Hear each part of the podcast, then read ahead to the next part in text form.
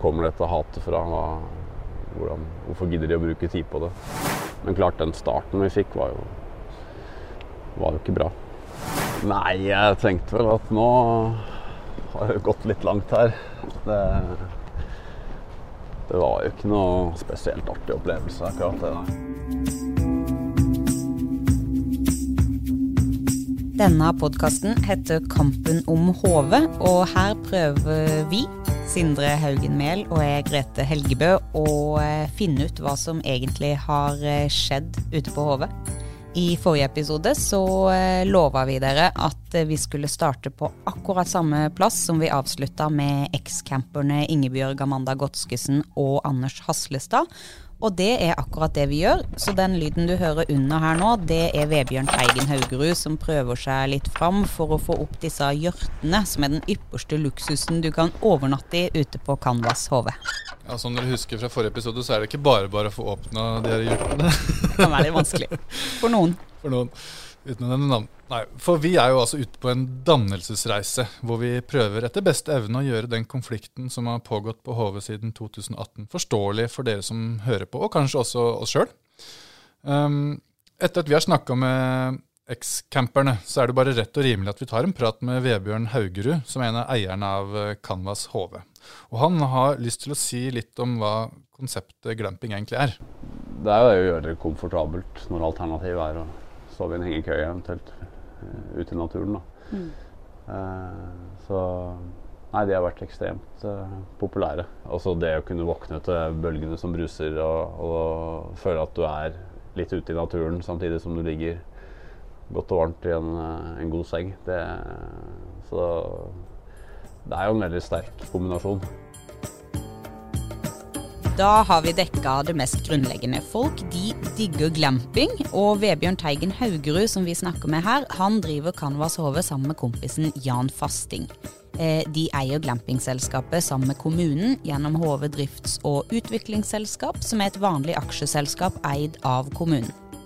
Og Siden de overtok driften av campinga, så har det skjedd eh, mye rart. Eh, det har blitt oppretta ei protestgruppe på Facebook med godt over 4000 medlemmer nytt parti som heter HV-lista. Stilte til valg ved kommunevalget i 2019 og ble valgt inn i bystyret i Arendal. Og Tidligere i år så gikk Fasting og Haugerud til sak mot bystyrepolitiker Kristina Stenhund Larsen for ærekrenkelser. Og Canvas HV har også opplevd at glampingteltet har blitt kutta opp, og et av bygga har blitt dynka i parafin. Ja, og alt det her, det er jo ikke noe småtteri. Det er egentlig en ganske stor sak i seg sjøl. Eh, men de siste ukene så har konflikten nådd et helt nytt nivå. Eh, lørdag 19.11 så la Jan Fasting igjen en kommentar under et leserinnlegg på agderposten.no. Det var det en som heter Jonny Hermansen som hadde skrevet. Og eh, Sindre, hva var det som sto der? Jo, Der skriver Fasting at Jonny Hermansen han bør legge seg lavt når det gjelder HV-saken. Um, Fasting skriver at han veit at det var Jonny Hermansen som skar opp teltet og dynka resepsjonen i spillolje, og at eh, det bare var flaks at ikke det ble tent på. Ja, og vi har skrevet ganske mange saker om dette her, og det som har skjedd, er at Jonny Hermansen har politianmeldt eh, fasting.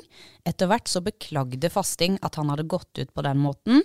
Eh, og nå er det mange, mange navn her, så bare prøv å holde tunga rett i munnen. Han og Haugerud valgte òg å trekke det søksmålet som de hadde mot Kristina Stenlund Larsen, eh, pga. den beskyldninga han hadde gått ut med. Ja, og Hermansen har sagt at han vil advare mot at HV-konflikten blir like betent som saken rundt Sørlandsnyhetene og Kunstsilo i Kristiansand. Og Melissa Lesamana, som har skrevet bok om den politiske situasjonen i Kristiansand, har sagt i Agderposten at hun frykter at liv kan gå tapt hvis ikke aktørene tar seg sammen og snakker eh, bedre på en bedre måte. Mm, mange aktører innblanda i denne saken her. Eh, Sindre og jeg som dekker HV-saken, vi får veldig mange henvendelser om eh, dekninga som vi i Agderposten har.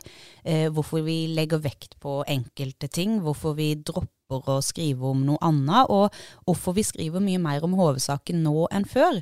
Eh, derfor har vi fått redaktøren vår Katrine Lia til å komme og besøke oss i studio. Og før vi går videre for å høre hva mer Haugerud har lyst til å fortelle oss, så tenkte vi å høre med du, Katrine. Når du vurderer hvordan vi skal dekke HV-saken, Tar du noen andre hensyn da enn i alle de andre sakene vi skriver om i det daglige? Nei, eh, vi tar jo de samme hensynene i alle saker vi skriver om.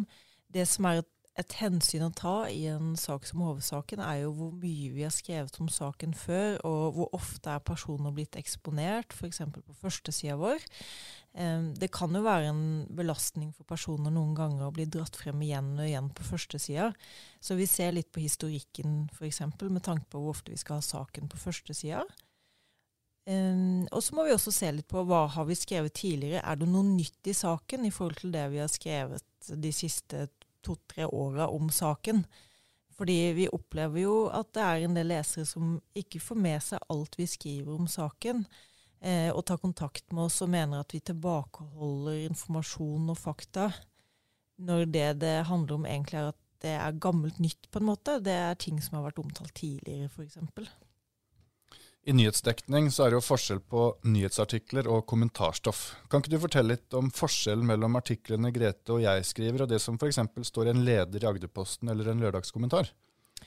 Forskjellen er jo at det som står på reportasjeplass, er jo eh, saker som De kan være vinkla. Eh, at vi legger mer vekt på noen opplysninger enn andre, og at de er titla på en måte som gjør at mange skal få til, lyst til å lese de. Men de representerer ikke hva Agderposten mener om HV-saken.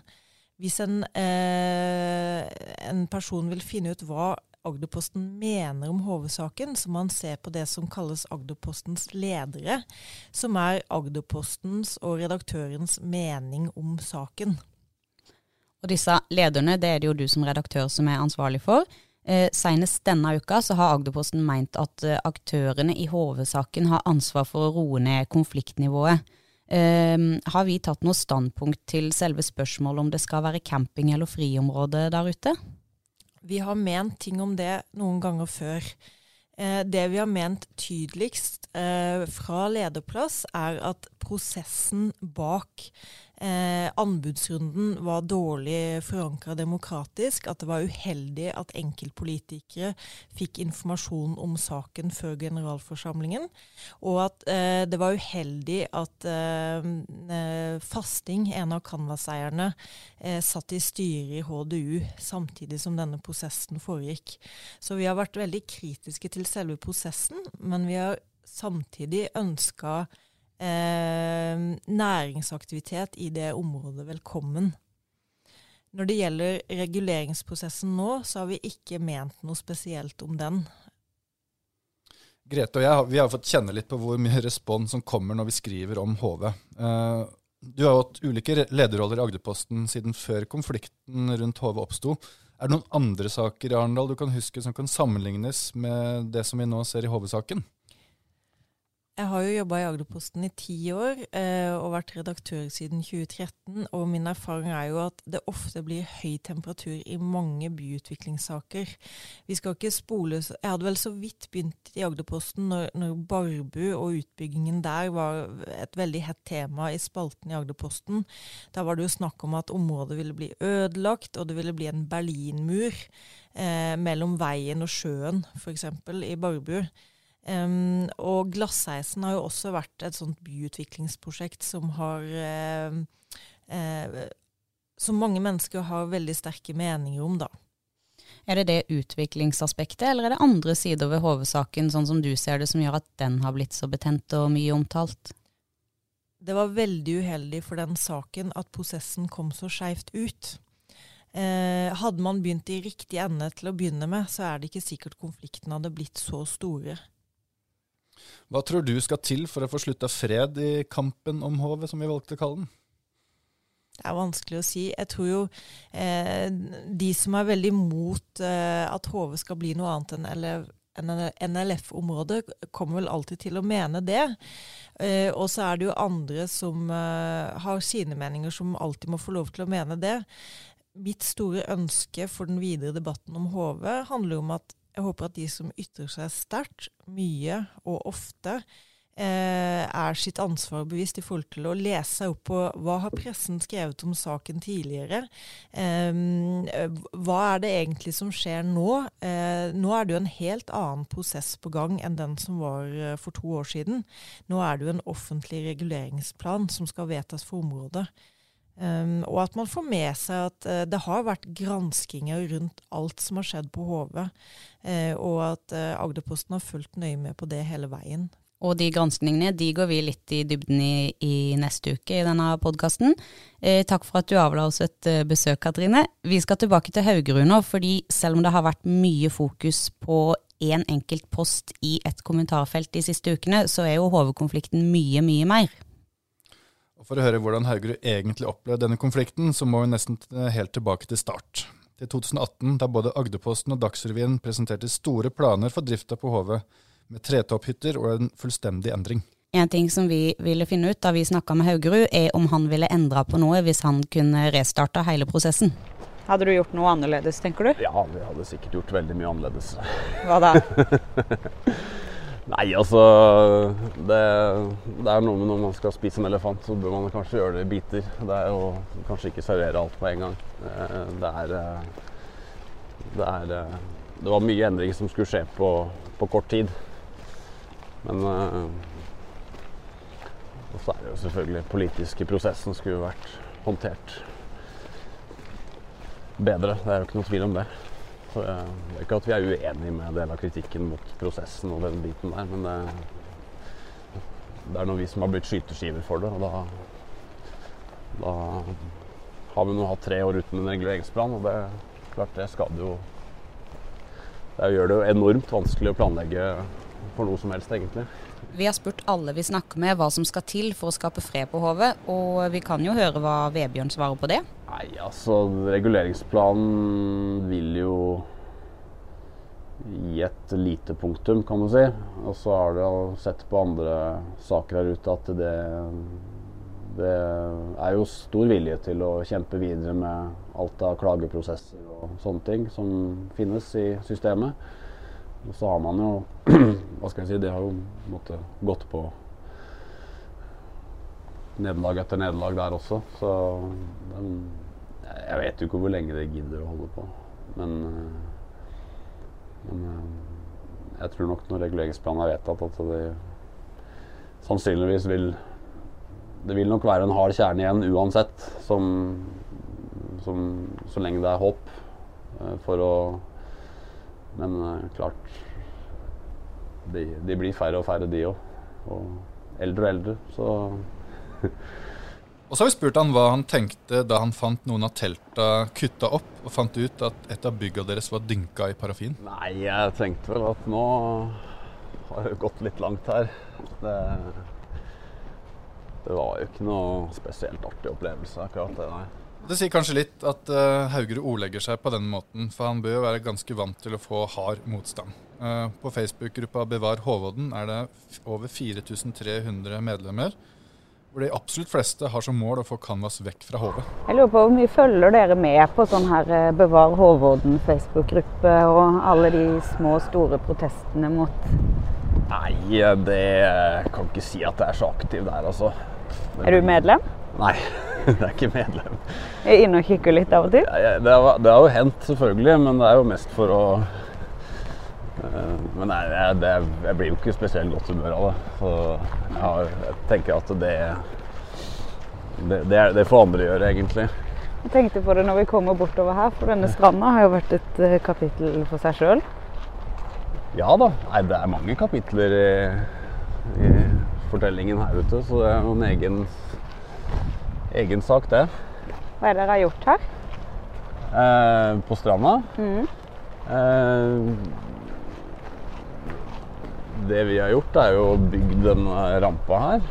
Eller hvis eh, Det var vel egentlig 2019, tror jeg, så kom vi med en søknad til Nasjonalparkstyret om at vi skulle kunne legge til rette for, for eh, banene på en litt bedre måte. Og da var rampa en del av den et av de tiltakene vi foreslo. Og, og som nasjonalparkstyret var ganske fornøyd med. Og vi fikk et sånt positivt vedtak derfra om å, om å legge mer til rette for ja, Både for badene, men også for uh, allmennheten her ute, egentlig.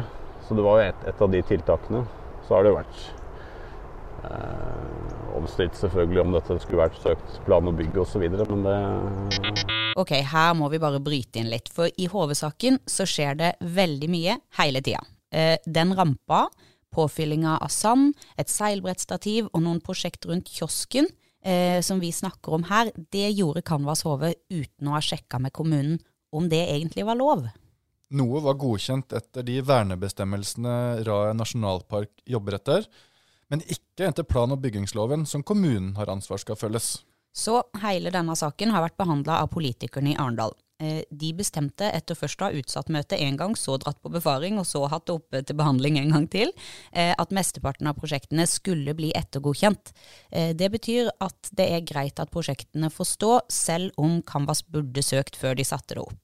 Eh, drifts- og utviklingsselskap har òg stått for noen eh, endringer på brygga ved stranda på HV, og de òg skulle vært søkt om før de blei satt opp, men de har blitt ettergodkjent.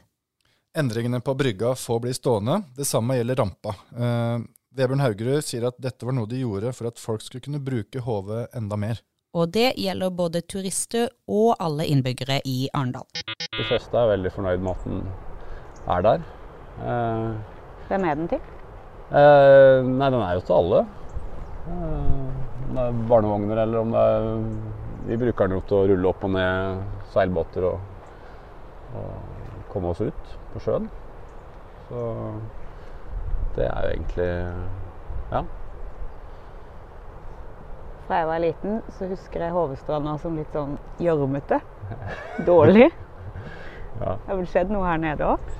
Vi eh, det andre delen av det prosjektet var jo egentlig et eh, prosjekt om å flytte Altså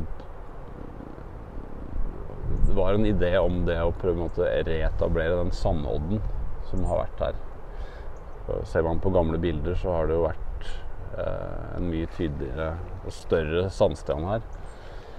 Eh, å gjøre det med hva skal jeg si, andre midler enn å sånn som de gjorde det før. da, At de kom med lastebiler og dumpa sand.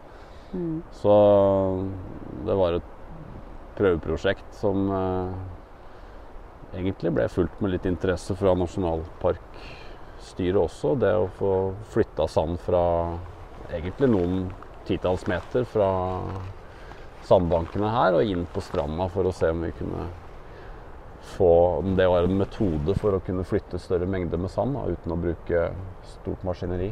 Så det er egentlig målet, å få måte, se om det er en mulig måte å, å få reetablert ting på. Eh, sånn at det blir en hyggelig sandstrand. Men jeg lurer på åssen er det for dere? Fordi dere bygger denne rampa. Husker du hvor mye det kosta? Nei 20 000-30 000. Vi bygde den på dugnad, tenker jeg.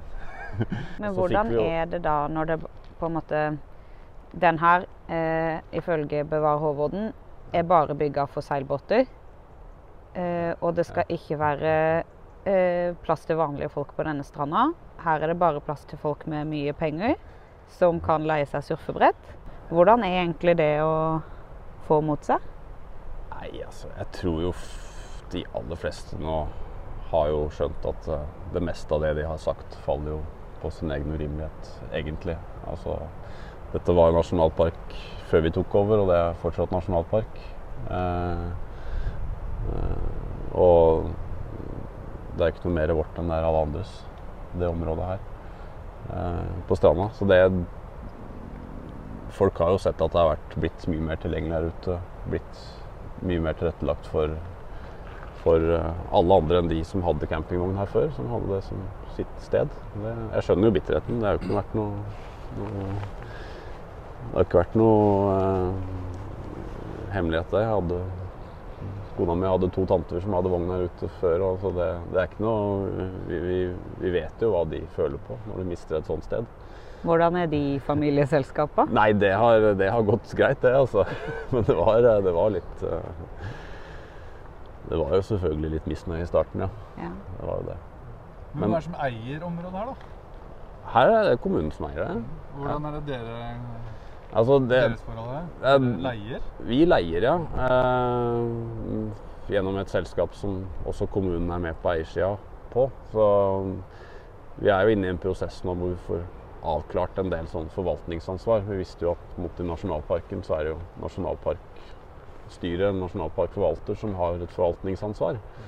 Eh, og det betyr at vi har jo egentlig ingenting vi skulle sagt om, om den biten. Eh, parkeringsplassene er det kommunen som forvalter. Det har de jo egentlig klargjort i, tydelig og skilta opp og håndhever parkeringsregler.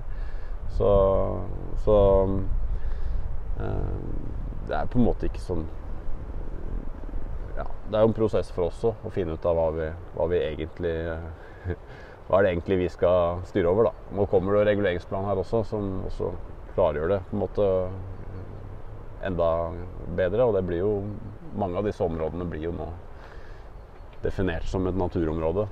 Eh, og Folkestien og stranda har jo på en måte aldri vært eh, Det har jo aldri vært heller noe snakk om at det skal være noe, noe som eh, ikke allmennheten har tilgang til. Så det er jo en konstruert Det er mye konstruerte problemstillinger her som aldri har vært der. Og så tror jeg veldig mange begynner å skjønne det nå. At det har jo aldri vært intensjonen å ta fra noen turstien eller turveien. En av de tingene som skapte mye trøbbel for Canvas Hove fra starten, det var at detaljer i avtalen som lar Canvas Hove leie Hovevåden blei hemmeligholdt. Uh, og sjøl om Haugerud sier at det er mye han ville gjort annerledes, så er det nå laga en ny avtale som lar Dyreparken kjøpe seg inn i leieavtalen i Hovevåden. hvis de da er fornøyde med reguleringsplanen. Og I denne delen av intervjuet så spør jeg Vebjørn Haugerud hva tanken bak samarbeidet de har inngått med Dyreparken er. Ja, strategien til Dyreparken eller til oss, mener du?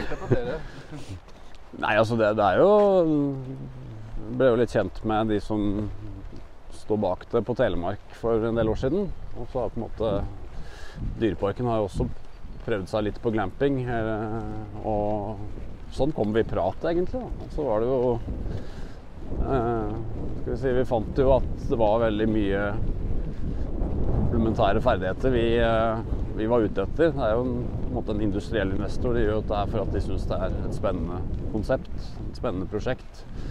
Eh, de ser at de begynner å tape markedsandeler i, i segmentet som er litt eldre barn, altså tweens og som det heter, da, mellom 8 og 12. Og, og eh, de ser jo på aktiviteter og aktivitetsferie som et konsept som de, de syns er interessant. da.